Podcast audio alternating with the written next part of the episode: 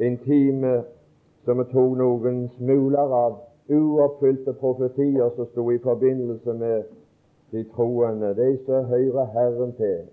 Jesu gjenkomst, ikke til jorden, ikke til verden, men Jesu gjenkomst til luften, hvor han derifra stansa, og så tar han sine hjem ved bortrykkelse. Og bortrykkelse, det gjør han det som en magnet, at han trekker ut av denne verden alle samme stoff som han.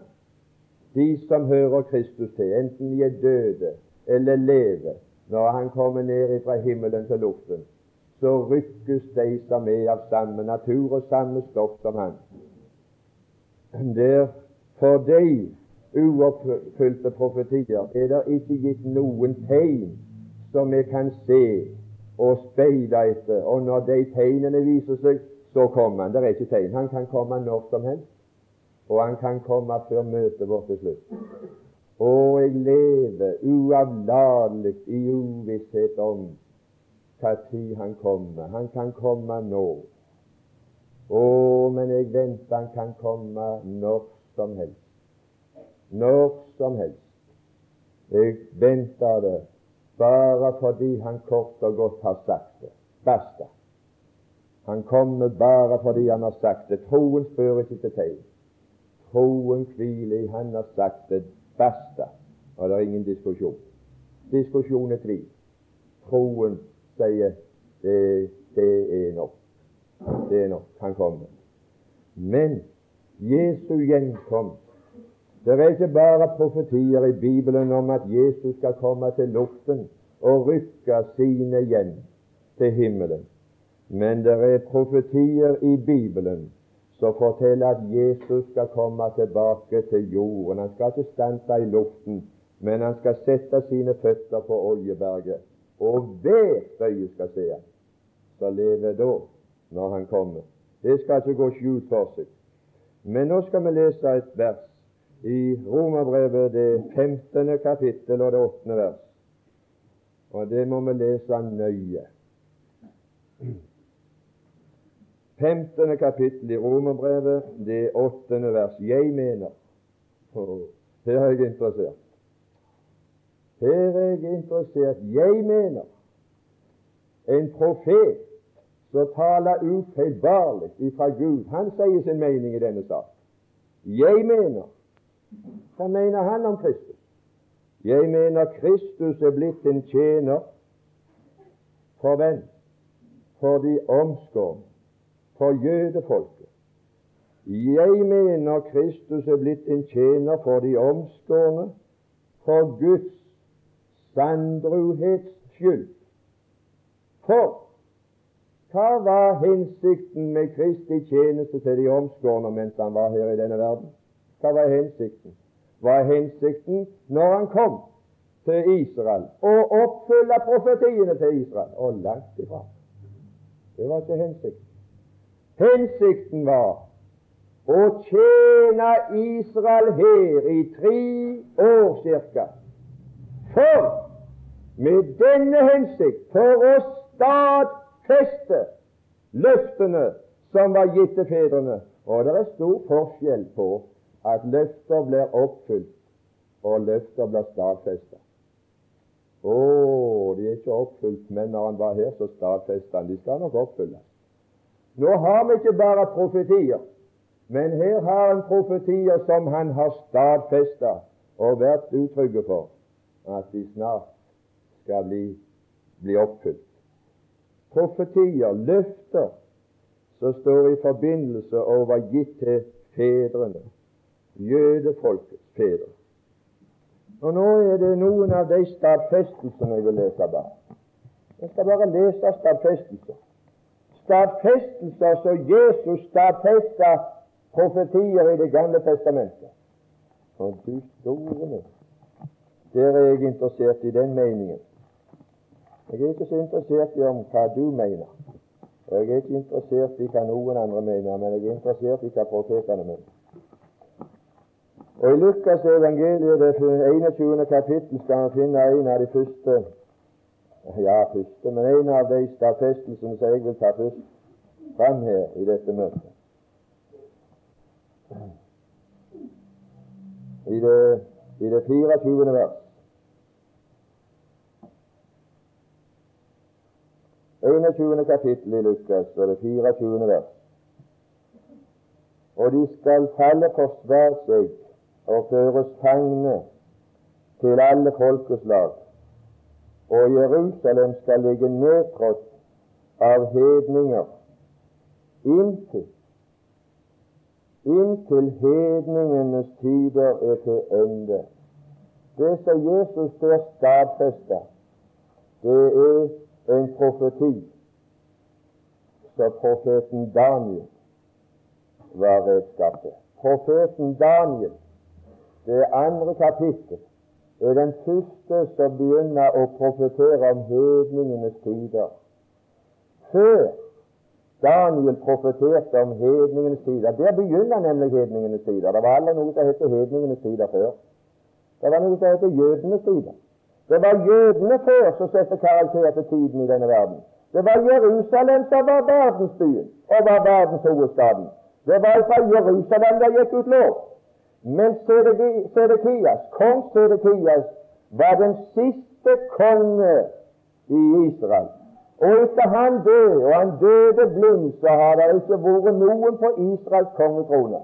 Og det blir ingen annen før Jesus setter seg på den tronen. Han blir neste innsettelse på, på kongetronen i Israel. Kong Sedekias var den siste, og han døde blind i fangenskap i Babylon. Og kong Nebukadneser var den første hedenske konge som ble, som ble av verdensformat og begynte uttrykket hedningenes tider. Og i Daniel 2 har du en profeti om hedningenes tider, hvorledes den nøyaktig er beskrevet. Og bare en opplysning fra forbifarten, så kan jeg fortelle det at profeten Daniel skriver ei detaljerte og så bestemte verdenshistoria på forhånd hvorledes hedningenes tider skulle bli. Altså, det er ingen vanskeligheter når du leser den profane verdenshistorie etterpå det hendte, og så plasserer du dem sammen, så går de inn i akkurat som, som, som, som, som hendene som holder seg sammen. Ledd går inn i ledd, men det har vi ingen muligheter for å stanse for her. Det får du, det får du heller granske og leita og så ha som puslespill sjøl. Men her er det en stadfestelse av uttrykket hedningenes tider. Det var, det var, bare det jeg ville ha fram i det verset først. Men det var en profeti her som blir stadfesta. De skal få ende. Hedningenes tider skal få ende. Det var profeta Daniel, hvorledes de skulle begynne. Og Daniel hadde også profert hvorledes de skulle egne, Og her stadfesta Jesus det. Men han stadfesta ikke bare at de skal få ende. Men han stadfester også hvorledes vi skal få ende. Er du, er du interessert i framtidsperspektivet denne, i denne verden, i Norge? Er du interessert i hvorledes det skal bli framover? Framtidsutsikter? Ja da, de har, de har Før var det, begynte de med noe som heter femårsplan. Men nå er det ikke nok med femårsplaner, men nå, nå utarbeides det 20-årsplaner. Jeg skal si dere dere er framtidsforsyner i Norge nå for tida. I store mater. Og nå plutselig så skulle folk ha fått så skrekkelig omsorg for hva de skal ha til å leve av hvis de blir 70 år. Jeg skal ikke si noe om det, men jeg er redd for det at vi er seint ute med, med den pensjonsordningen. Vi måtte begynne før hvis vi skulle fått nytt stand. Matteus evangeliet, 21. kapittel og 42. vers. Her står det forklart hvorledes hedningenes tider skal få ende. Jesus sier til dem, har jeg aldri lest? Har jeg aldri lest i Skriftene den sted som bygningsmennene forkastet, den er blitt hjørnesten av Herren er dette gjort, og det er underfullt i våre øyne. Den sted Hva er det den stenen er tale om? Hva er det Jesus stadfesta med denne stenen? Ja, Hvis du nå var kjent i Daniels bok, så vil du ha, og, i Daniel 2, så ville du i Daniel ha forhørt et bilde som var beskrevet av hedningenes tider fra begynnelsen og til slutten. Og på slutten så får du rede på at ved enden av hedningenes tider så blir det revet løs en stein, ikke av menneskehender, men av, fra himmelen. Og den steinen som rives løs fra himmelen, den blir kasta mot det bildet av hedningenes tider, og hedningenes bilde blir knust.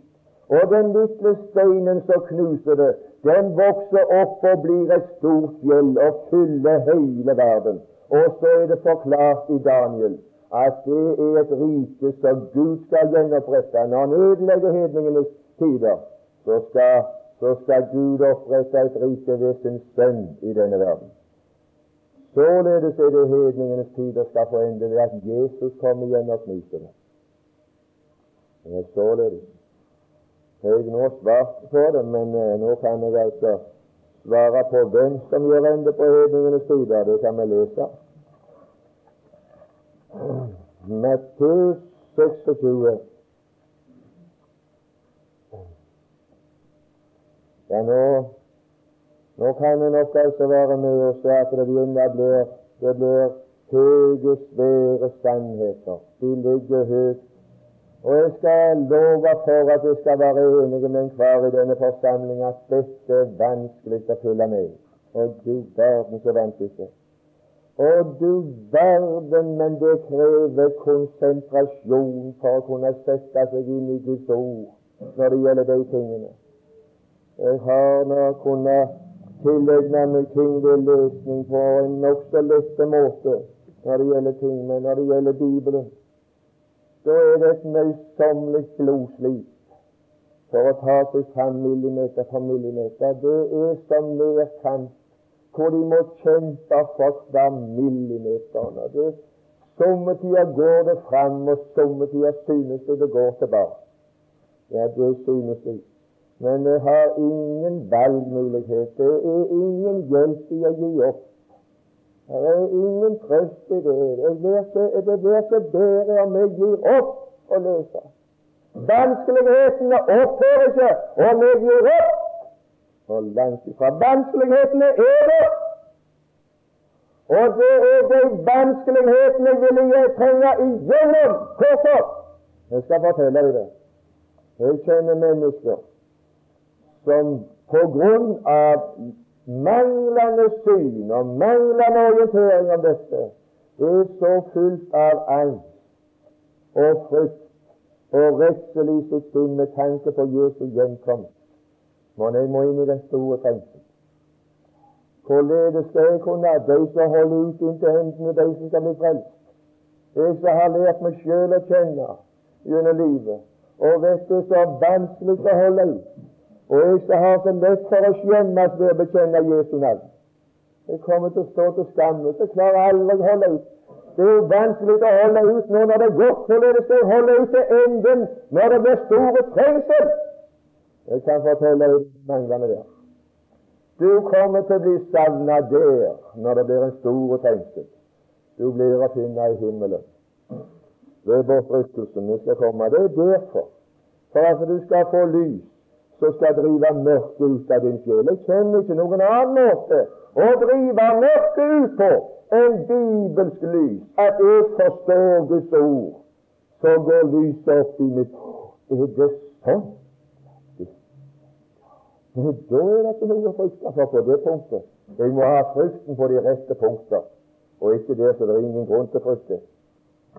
Hvem som gjør ende på hedningenes tider? Nå skal vi se. I det 63. vers i 26. kapittel. Men Jesus tidde, og ypperste presten tok til orde og sa til ham, Jeg tar deg i ed ved den levende Gud at du sier oss om du er Messias, Guds sønn. Jesus sa til ham, du har sagt det. Da sier jeg eder, fra nå av skal I se menneskesønnen sitte ved kraftens høyre hånd og komme i himmelens skyer. Så er det Jesus stadfesta der. Han stadfesta profeten Daniel. Jesus stadfesta profeten Daniel, som profeterte om at menneskesønnen skulle komme med himmelens skyer, og så skulle han gjøre ende på hedningenes tider. Og fra nå altså Jesus sa dette, så skulle de se denne menneskesønnen ikke på jorda, men de skulle se han sitte der. Og så har han blitt sittende der, og han skal bli sittende der inntil han kommer i himmelens skyer som et lyn. Så går fra himmelbryn til himmelbryn. Det er menneskesønnens dager. Men da vil han Arne Bjerkreim være innenfor perleport før menneskesønnens dager kom. Og ja, jeg venter ikke på menneskesønnen. Nei, jeg venter den Herre Jesus ifra himmelen som frelser, ikke som menneskesønn. Nei, det er en profeti som Gud har profetert og gitt et løfte til Israel. Menneskesønnen skal komme og gjøre ende på hedningenes tider, og så skal det igjen bli jødenes tider i denne verden. Og så skal han være konge og så skal det bli regjert i denne verden med rettferdighet og fred. Hvorledes enden av hedningenes tider vil være. Er du interessert nå? Og nå håper jeg altså at du begynner å bli interessert.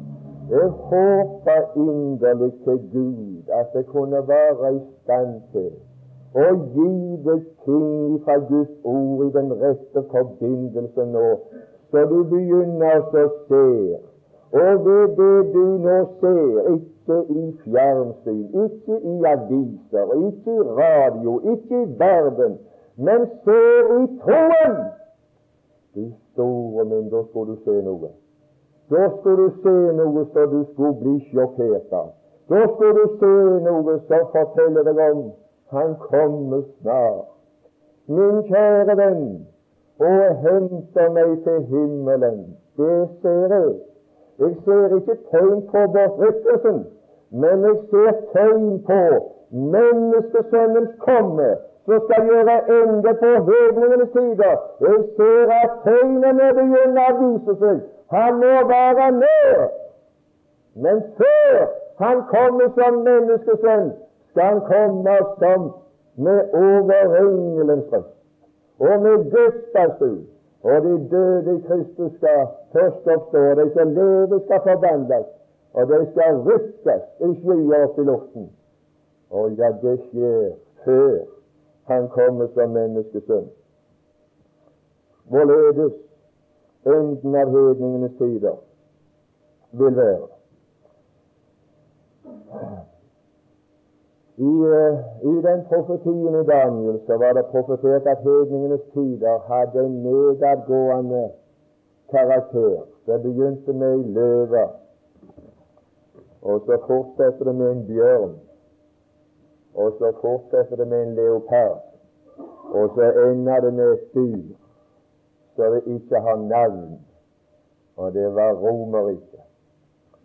Løven, det var Babels verdensrike. Det babyloniske verdensriket var det første hedningenes tider. Det medopersiske ligner med en bjørn. Og det greske verdensriket er ligna med en leopard. Og Romerriket lignes med et dyr som ikke gis navn. Og så er det sagt at det Romerriket som gikk til grunnes en stund etter Jesu himmelfart, det skal komme igjen du kan være sikker at det Romerriket skal komme igjen, fordi det er Skriften som skal oppfylles. Og nå skal du få se et syn i Johannes' åpenbaring i den forbindelse. I åpenbaringen, det, det 13. kapittel Når Daniel sto og profeterte om det som skulle komme, så så han rikene ifra begynnelsen, løven, og så så han altså Romerriket der borte. Når Johannes er på øya Patmos og ser, så ligger disse begivenhetene bak. Og så ser han de også i den rette rekkefølge der han står. Så ser han ifra fra Romerriket, og så ser han de den veien så ender det med løven. Å, jeg skal si at Bibelen er nøyaktig med Det spørs nå hvor de står og ser. Hvis de hadde sittet likt, så hadde det vært.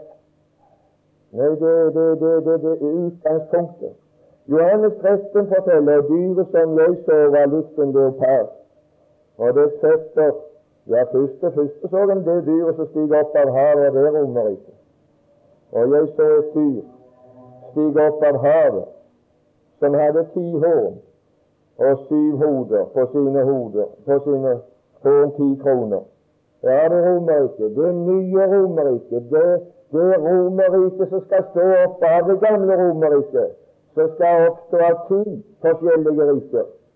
Det er det riket som skal avslutte hedningenes tider. Og det andre dyret så, det var litt en leopard. Og det siste det tredje var en bjørn, og det siste var en løve. Og det som er det svære med hedningenes tider, i endens tid av hedningenes tider, det er det at det riket som skal være på endens tid, det skal være likt alle de fire som vi har i Bibelen før. Det skal være så grusomt som alle de fire til sammen.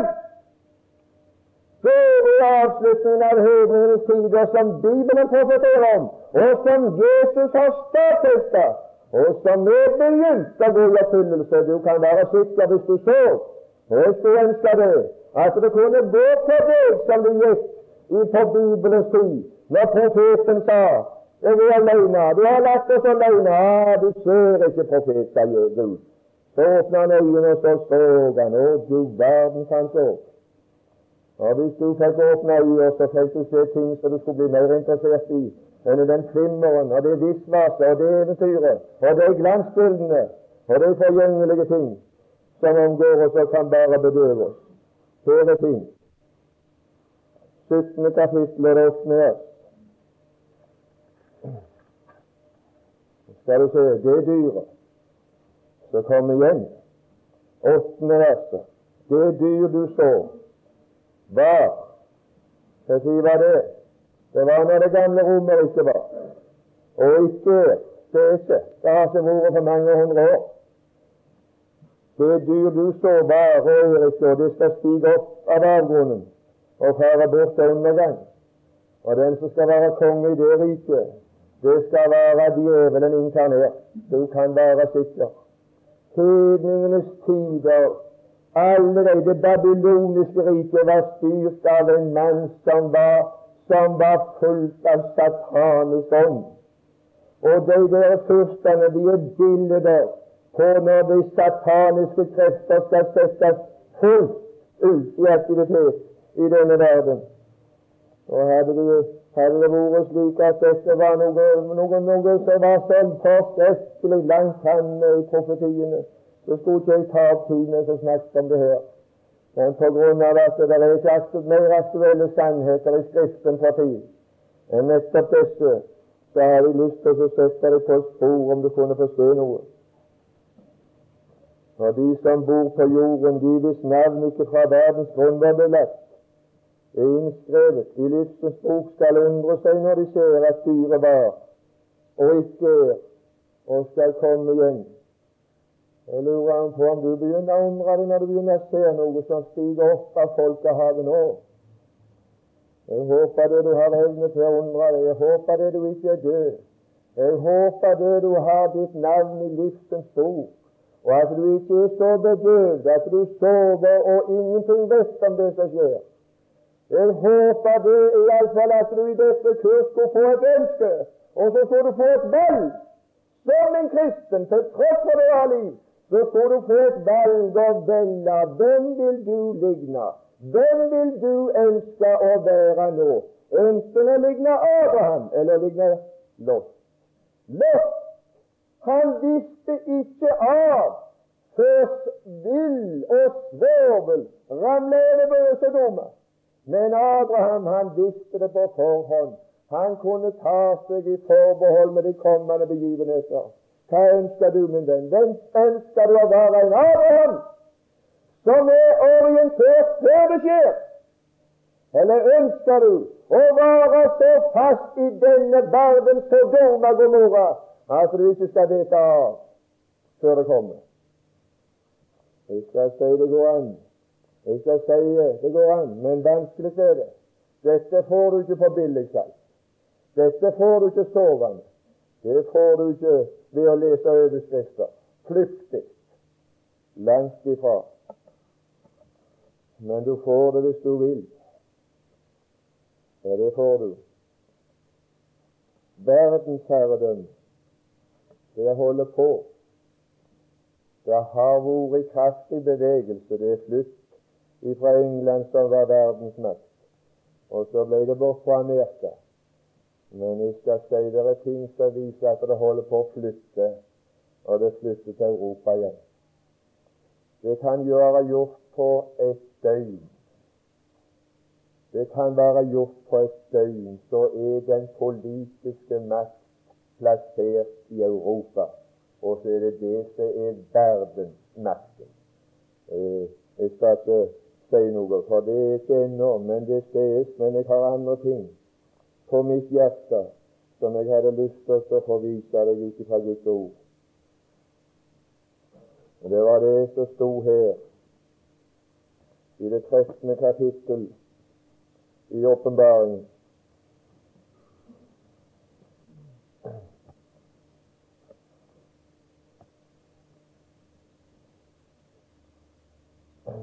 Skal vi se det 13. kapittel og det andre vers. Og dyret som jeg så, var likt. Og så var det likt alle rikene.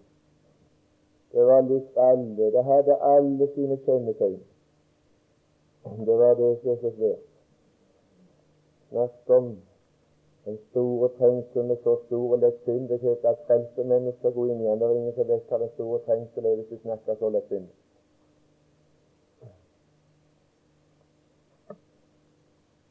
Skal du se noe av det når han beskriver det der. Vi skal ta et par trekk av det før vi går fra det. Hvorledes det vil bli. Det skal være lik Daniel. Profeten Daniel, det andre kapittel. Bare et par trekk fra kapittelet.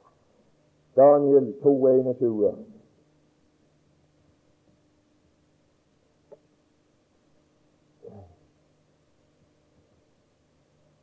Han omskifter tider og stunder, avsetter konger og innsetter konger. Han gir de vise visdom og de forstandige forstand. Skal vi se. Det var ikke det verste jeg absolutt ville ha til.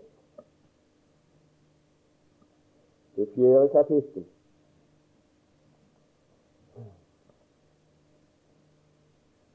Enogtjuende vers. 22. vers.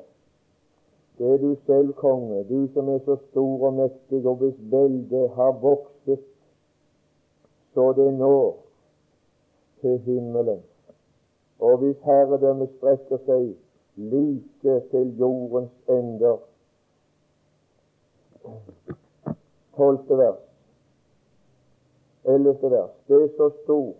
Det var stort og sterkt og så høyt at det nådde til himmelene, og det kunne sees helt til jordens ende. Dets løv var fagert, og det bar rikelig frukt, så det ga føde for alle. Merkens dyr fant skygge under det, og himmelens fugler bodde på dets grener, og alt levende nærte seg av det. De skrekk det lignende vekst eller lignende. Det var det noe som ligna for mitt vedkommende voldsomt. Men det skulle være annerledes.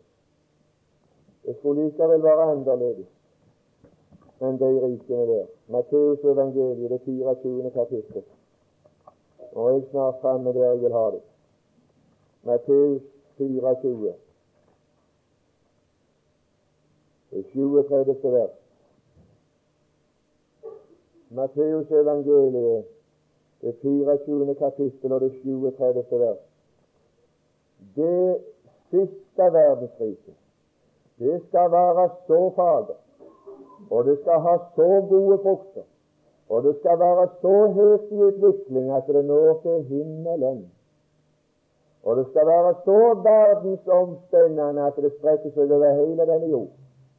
Og det skal være likt ikke bare de fire verdensriker, men det skal være likt som som denne verden var før denne verden gikk unna i vannflommen, som nå er sa. Således skal menneskesønnens dager være. Å, der er det noe som jeg vil prøve på å hjelpe deg til å se ved å påkalle din interesse og oppmerksomhet for det, som Noas dager. Der skal jeg si vi kan finne kjennetegn på den tid som vi lever i nå. Noas dag. Hva var det som var likt? Hva er det som blir likt med Noas dag, som aldri har vært siden Noas dag? Der står i første Mosebok seks første ting som setter karakter på verden i Noas dager, da nu menneskene begynte å bli mange på jorden. Skal jeg fortelle deg om noe nå? Og Det kan du prøve å sette prøve på. Kanskje jeg skulle ta nå akkurat i denne forbindelse og be om unnskyldning for en påstand som jeg sa her en kveld, men jeg trodde jeg hadde så god kilde for det når jeg sa det at jeg dermed sa det uten forbehold at jeg, det skulle ikke ha vært født noen til denne verden som ikke det var født både blind og død. Men nå er det noen syke søstre som sier at det har forekommet. Og da trekker jeg selvsagt det til vars. Det var en påstand som jeg hadde lest. Men det viser seg det likevel kan leses ved holdbart. Det viser seg. Men det jeg leser her, det har jeg sluppet til dags dato å trekke tilbake. Det har alltid vært holdbart. Det kan du skrive. Du skal slippe å trekke noe tilbake av det som du leser her. Men du verden kan nytte det om det er aldri så pålitelige menn som sier noe. En risikerer jo å la seg dementere det de en gang har sagt det, for det er ikke holdbart. Men her er holdbare saker. Det er ikke dementert et ord av det som står i Bibelen. Og aldri skal det bli trukket tilbake. Men det er sant. Og her er det noe som er sant. Det er det at denne verdens befolkning den har vært i et forhold på et lavnivå ifra, no, ifra Lots dager, etter syndfloden. Det har vært noen millioner spredt over kloden. Og så gikk disse mange hundre år inntil Jesus ble født. Så var det kommet fram til så langt som vitenskapen i dag kan anslå det. Det blir jo cirka. Og da var det at på Jesu tid så var det ca. 70 millioner eller 100 millioner mennesker, er det de regner det til. Det hadde klart opp til Jesu tid å bli ca. 100 millioner, så de anslo den da kjente verdensbefolkningen til. Inntil 1600-1700-året så, så, gikk det smått og seint med økningen av verdensbefolkningen, men da kom de opp til, til ca.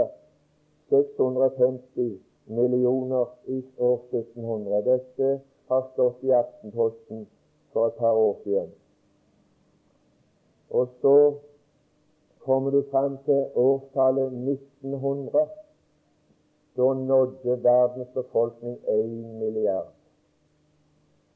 Så lang tid tenkte det fra Lots og til 1900, år 1900. Da ble det én milliard så er det det mirakelet og underlige som skjer, at i 1950 ja, da er det blitt to milliarder. På 50 år så ble det like mange som det hadde blitt i alle de årene. Bare 50 år så ble det to milliarder. Men det sværeste av alt, i 1960, så var det blitt over tre milliarder. Så tok det bare ti år med en milliard økning. Og nå er vi i 1966, og nå er det snart 4 milliarder. På fem år så blir det fire. Fy verden, for en folkeeksplosjon. Og FN, De forenede nasjoner, de har nedsatt fagkomiteer for å beregne folkeøkningen. Om det kan være mulig å bli plass for dem om det kan være mulig at det kan bli mat for oss her i denne verden. Og redaktøren for Dagen han skrev i en kronikk som jeg leste sjøl, Jeg har han ikke, men jeg har han i hukommelsen, litt av innholdet.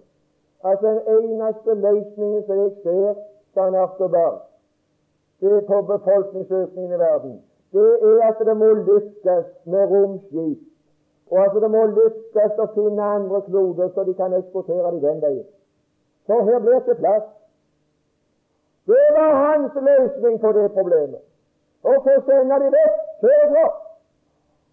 Ja, for her blir det plass hvis dette fortsetter. Det forstår du. Da menneskene på jorden begynte å bli mange. Men jeg skal fortelle deg om hvorledes Gud har bestemt at det problemet skal bli løst. Det skal bli løst ikke med vannflom, så tar alle med åtte for. Det var masseutryddelse, det. Det var det mer folk i verden enn det er i dag. De ble utrydda på én dag, alle. Og den måten er det han skal ordne det problemet på. Du kan kalle det kynisk. Det er ikke mer kynisk om alle dør på én dag, heller om de dør enkeltvis. Det er ikke noe forskjell på det. Å, det er noe som heter den store trengsel. Den store trengsel kommer til å ordne det spørsmålet lenge før det blir så stort problem at det blir uløselig når det er ingen annen. Da menneskene på jorden, som Noas dager hva var de opptatt med da? Er det noe som det går an å se at vi har fått dem de hedningenes tider, at hedningenes tider nå er begynt å forligne sånn som vi skal være på menneskesønnens dager? Jeg står ikke her og påstår på noen måte at vi lever i de tidene som her står, for jeg lever ikke og venter ikke å være her når menneskesønnens dager er. Men jeg ser det begynner å ligne, og det øker så fort at jeg regner med for ramme alvor. Nå tar han oss snart hjem. For det er ikke varende for deg som vil leve med Gud og vandre med Gud. Forledes var det gikk i Noas dager? I år den største økningen av verdens befolkning i Noas dager, den skjedde etter bortrykkelsen. Ja, for det òg var forfrykkelse. Jeg skal mene det var forfrykkelse. Noah han ble født i 1056, og vannflommen kom i 1656. Enok han ble bortrykket i år 987. Så den største økningen av befolkningen den kom etter bortrykkelsen. Det gjorde han. Og den største økningen av verdens befolkning vil finne sted etter bortrykkelsen. Det er blitt stor økning nå, men det er ingenting mot det det blir etter bortrykkelsen. Da skal denne verden se en folkeeksplosjon. De skal bli mange.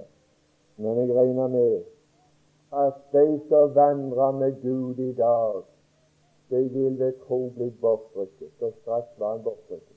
For Herren tok han hjem til. Det var ikke varende. Det er ikke varende for de som vil vandre med Gud i 1966. Det er ikke varende. Du kom i konflikt alle veier. Du kom i opposisjon alle veier. Her er så trangt alle veier, på alle måter, at det er bare én vei for Herren å føre deg hvis Han skal føre deg med Gud. Det er den veien. Det er hjem. Det er bare én åpning for Guds barn i dag. Det er hjem. Og Herren Fader sin due bort før en Guds vrede går frem. Og jeg vil få lov å avlive nå i denne timen all tanke på at det er Guds velsignelse vi ser i all denne utvikling og velstand. Jeg skal fortelle deg om noe annet enn velsignelse å se i det. Det er det er den utvikling som Daniel hadde profetert, at i endens tid skal det være slik. Da skal hedningenes tider være som fagert løv. Løv? Hva skal du med det? Gjøre det komfortabelt. Glemme forbannelse. Og glemme det at denne jord skulle bære deg torner og tvisler. I planta og bygde. Ja, det gjør det komfortabelt. Store mynt og komfortabelt mat. Hvem er det i dag som blir mynte om forbannelse ved svette og slit og trøtte rygger og legge seg på en trebrikk, sånn som vi har gjort opp gjennom årene.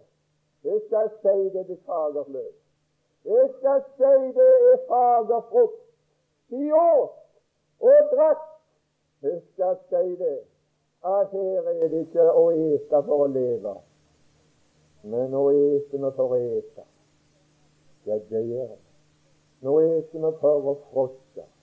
Og ikke bare det at maten skal være et komfortabelt måltid. Men ikke et lønn for et strev og svette, men et komfortabelt måltid. Men det skal være så komfortabelt og lystig, det skal være sjangen i siste måltid.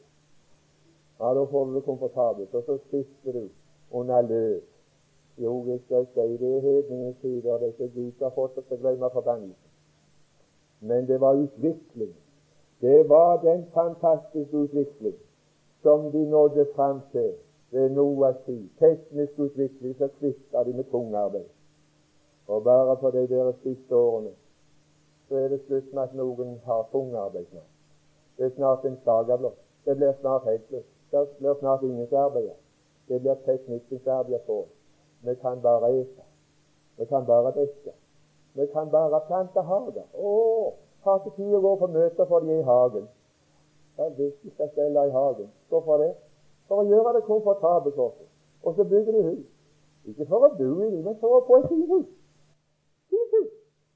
Så er opptatt med det. Vi skal steile. det. Og det tror du det er Gud. Og det tror folk er Gud. Hva slags Gud er det du tror på? Tror du på Bibelen? Så skal jeg få se. Nei, det er mørkhetens fyrste som har gitt oss kunstig lys.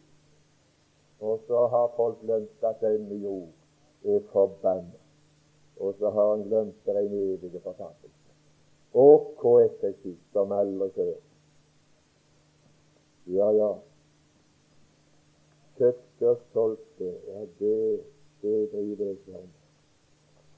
Ja, det er en lette vei. Planta bygget. De la jorda under store med. Men det var noe mer med det riket. Etter de ti konger så skulle det komme en annen konge, Daniel 7. Det er bare én plass i Daniel som skriver om antikrist og profeterer om antikrist. Og det er i Daniel det, 7, det 11. kapittel.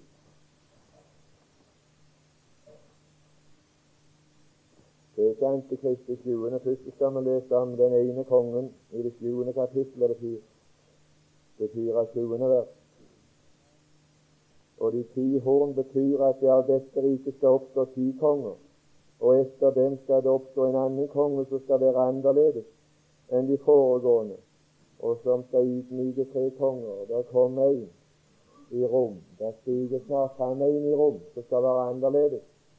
Det skal være annerledes enn alle mennesker. Han skal kunne gjøre andre ting enn andre. Han skal gjøre det enda mer komfortabelt i denne verden. Det skal bli bedre enn dette. Vet du hva det er? Før jeg nå sier noe, så skal jeg prøve å gi deg et annet bilde fra Bibelen. Og det er det at årstidene i Palestina de faller i to avdelinger. Om våren da er det kornhøst. Da er kornet skjært. Da skal det ut. Om høsten da er det druehøst. Da er druene modne. Så har Gud sagt oss at vi skulle lære noe av fikentreet. Legg merke til fikentreet og andre trær. Når det kommer saft i, i greinene på det, så er det vår. For fikentreet begynner å spire om våren.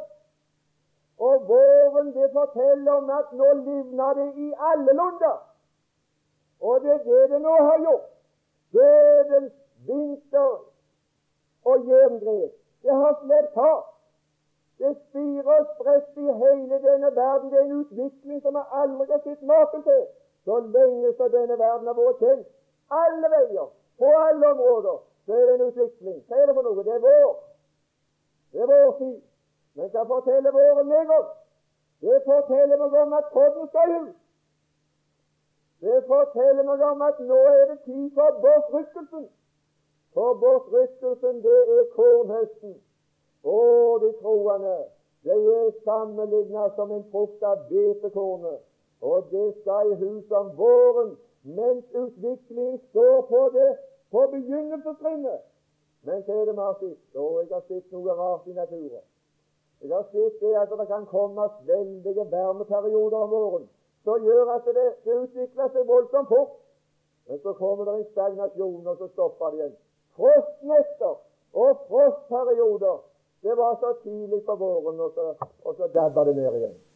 Jeg skal si vi opplevde frostnetter her i verden når utviklingen begynte.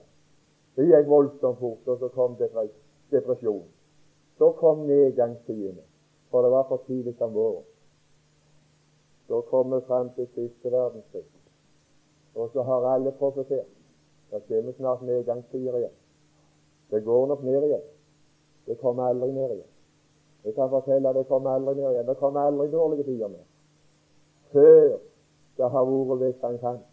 Det skal nok ned. Men de dårlige tidene som nå står for døra, det er den store trengsel. Det er de dårlige tidene. Det går den veien oppover. Det blir, det blir bare mer utvikling. Det blir varmere. Det blir mer løv. Det skal bli behageligere å være i denne verden. Men det er djevelen som gjør det, og ikke Gud.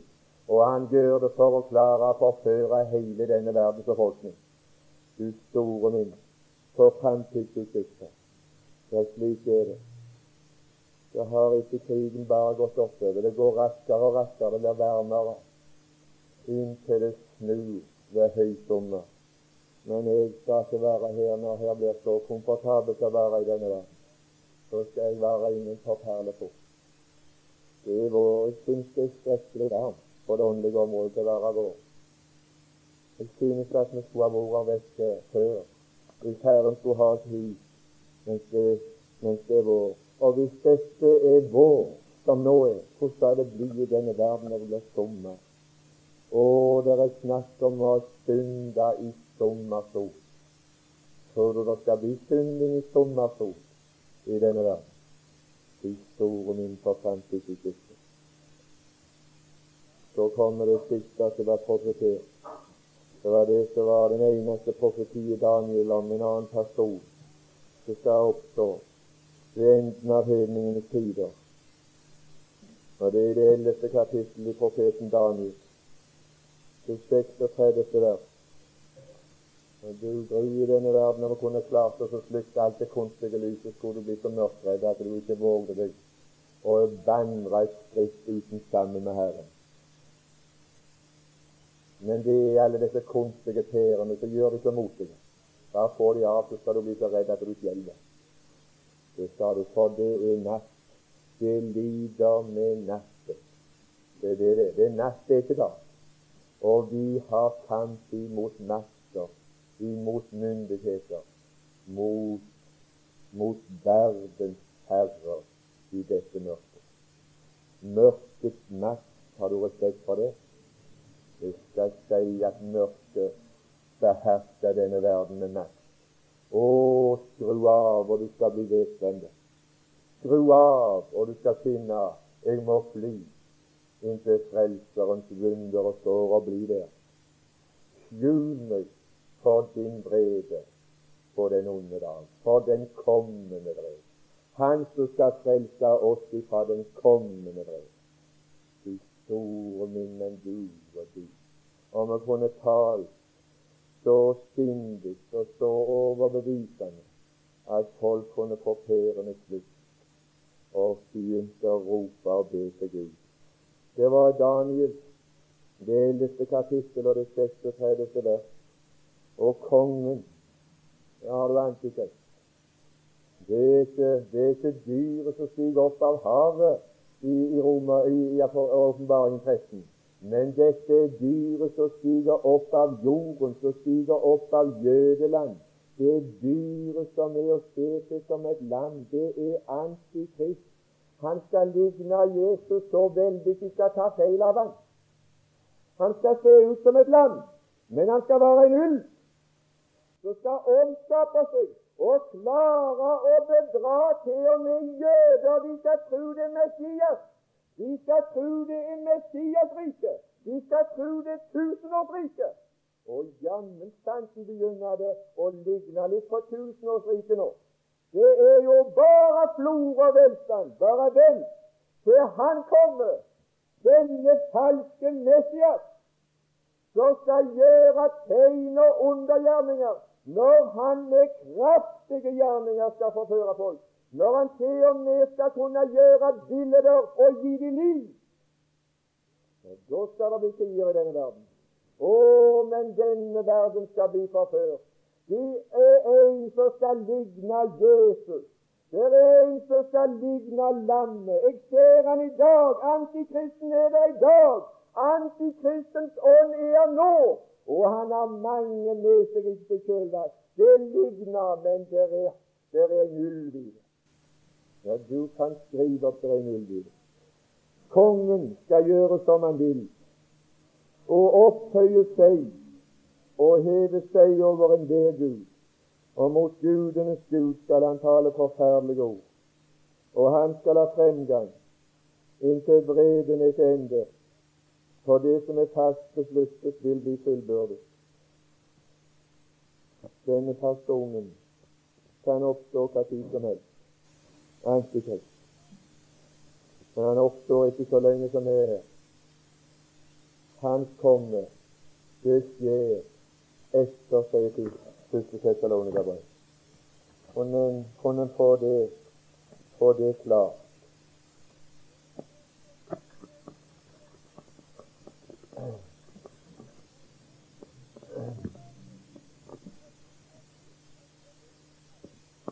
Nå, og nå vet de hva som holder igjen. 2. Tessalonikerbrev 2,6. Så han først skal åpenbares i sin tid for lovløshetens hemmelighet er alt virksom. Bare at den som nå holder igjen, ryddes av veien, og da skal den lovløse åpenbares. Han som den Herre Jesus skal fortere, med sin munns ånder gjøre til intet ved åpenbarelsen av sitt komme. Inn. Jeg skal ikke si noe mer om det. Antikristen vil bli sittende nede i Jerusalem. Det skal bygges et nytt tempel. Det står det. Og han skal sette seg i tre templer, så skal han gi seg ut for å være Gud, han skal bli tilbedt av Messias. Og så skal det sitte inn i rom, og de to, begge inkarnert av djevelen, så skal de to inngå en pakt, og så skal de, så skal de så skal de forføre hele denne verdens befolkning i en bildning av at de tilber Gud. I en bildning av at det er et har forbindelse med den sanne Gud. Så skal denne verden gå unna med kristenflagget på topp. Det blir et fryktelig syn. De seiler i spisa, og så står Krist med flagget på topp. Men den sluter, den er lada av alt slags. Du gry, hvor er du hen? Hva er du ser? Er du edru og sindig? De store minnene har bruk for å komme under himmelens innflytelse og kunne få lov å lære noe. Det skal jeg ha lyst til å si til slutt her, det som jeg mangler mest av, og det som jeg ber Gud mest om, det er som kunnskap. Men det var åndelig visdom til å bruke den kunnskapen jeg har, til å vite hvordan jeg skal oppføre meg den stunden jeg gjør. Jeg syns det er så vanskelig å oppføre meg som en kristen. Jeg har så lite visdom til å vandre varlig. Ikke bare det at jeg har lyst til å vandre sånn, men jeg vet overhodet ikke hvorledes jeg skal oppføre meg. Jeg har ikke visdom til hva som er rett engang. For gjør jeg det, så er det galt. Og gjør jeg det, så blir det galt. Og gjør jeg det, så får det dårlige konsekvenser, og så blir det galne. Og gjør jeg det, så blir noen annen galne, så hogger jeg ørene av alle. Jeg har ikke visdom til noe til. Å, om Gud kunne gi oss visdom til å bruke den kunnskap Gud har gitt oss, så at vi kunne skifte oss verdige for det kall som Han har kalt oss med, om å kunne vandre med Gud. Å, så tok Herren det hjelp. Herre Jesus. Ja, du, du som har omsorgen. Vi kan med frimodighet, vi kan med tillit til deg kaste all vår sorg på deg. fordi du har omsorg for oss. Og så vil jeg takke deg, Jesus, for at jeg stoler på den omsorgen, i tukt og tynt. Og du vet jeg ville så gjennom de dagene som jeg har, spesielt for mine barn og for min familie, for de som kjenner meg, de som jeg lever blant Gud i himmelen. La ikke være en lokk ikke vet om noen ting før det kommer. Kunne det være slik, Jesus, imot meg og mot oss her, at vi kunne leve så atskilt som Abraham gjorde, eller du kunne åpenbare det for og så kunne du betro deg der om de kommende ting som vi ikke skal oppleve, men vi ville få oss til å be for deg selv. Abraham falt på sine kne, og så begynte han å trygle og be for folk så var det. Herre Jesus, velsign oss i kveld. Kan du bruke møtet i kveld, Jesus? Kan du betro oss noe? At det kan være noe som folk kommer til troen på, eller tror de med skrøner? Er det sånn vi lever som gjort lottelig, så er det trolig spøker, for vi har oppført oss så lettvint. Gode Gud i himmelen, du får, du får legge alvoret. Amen.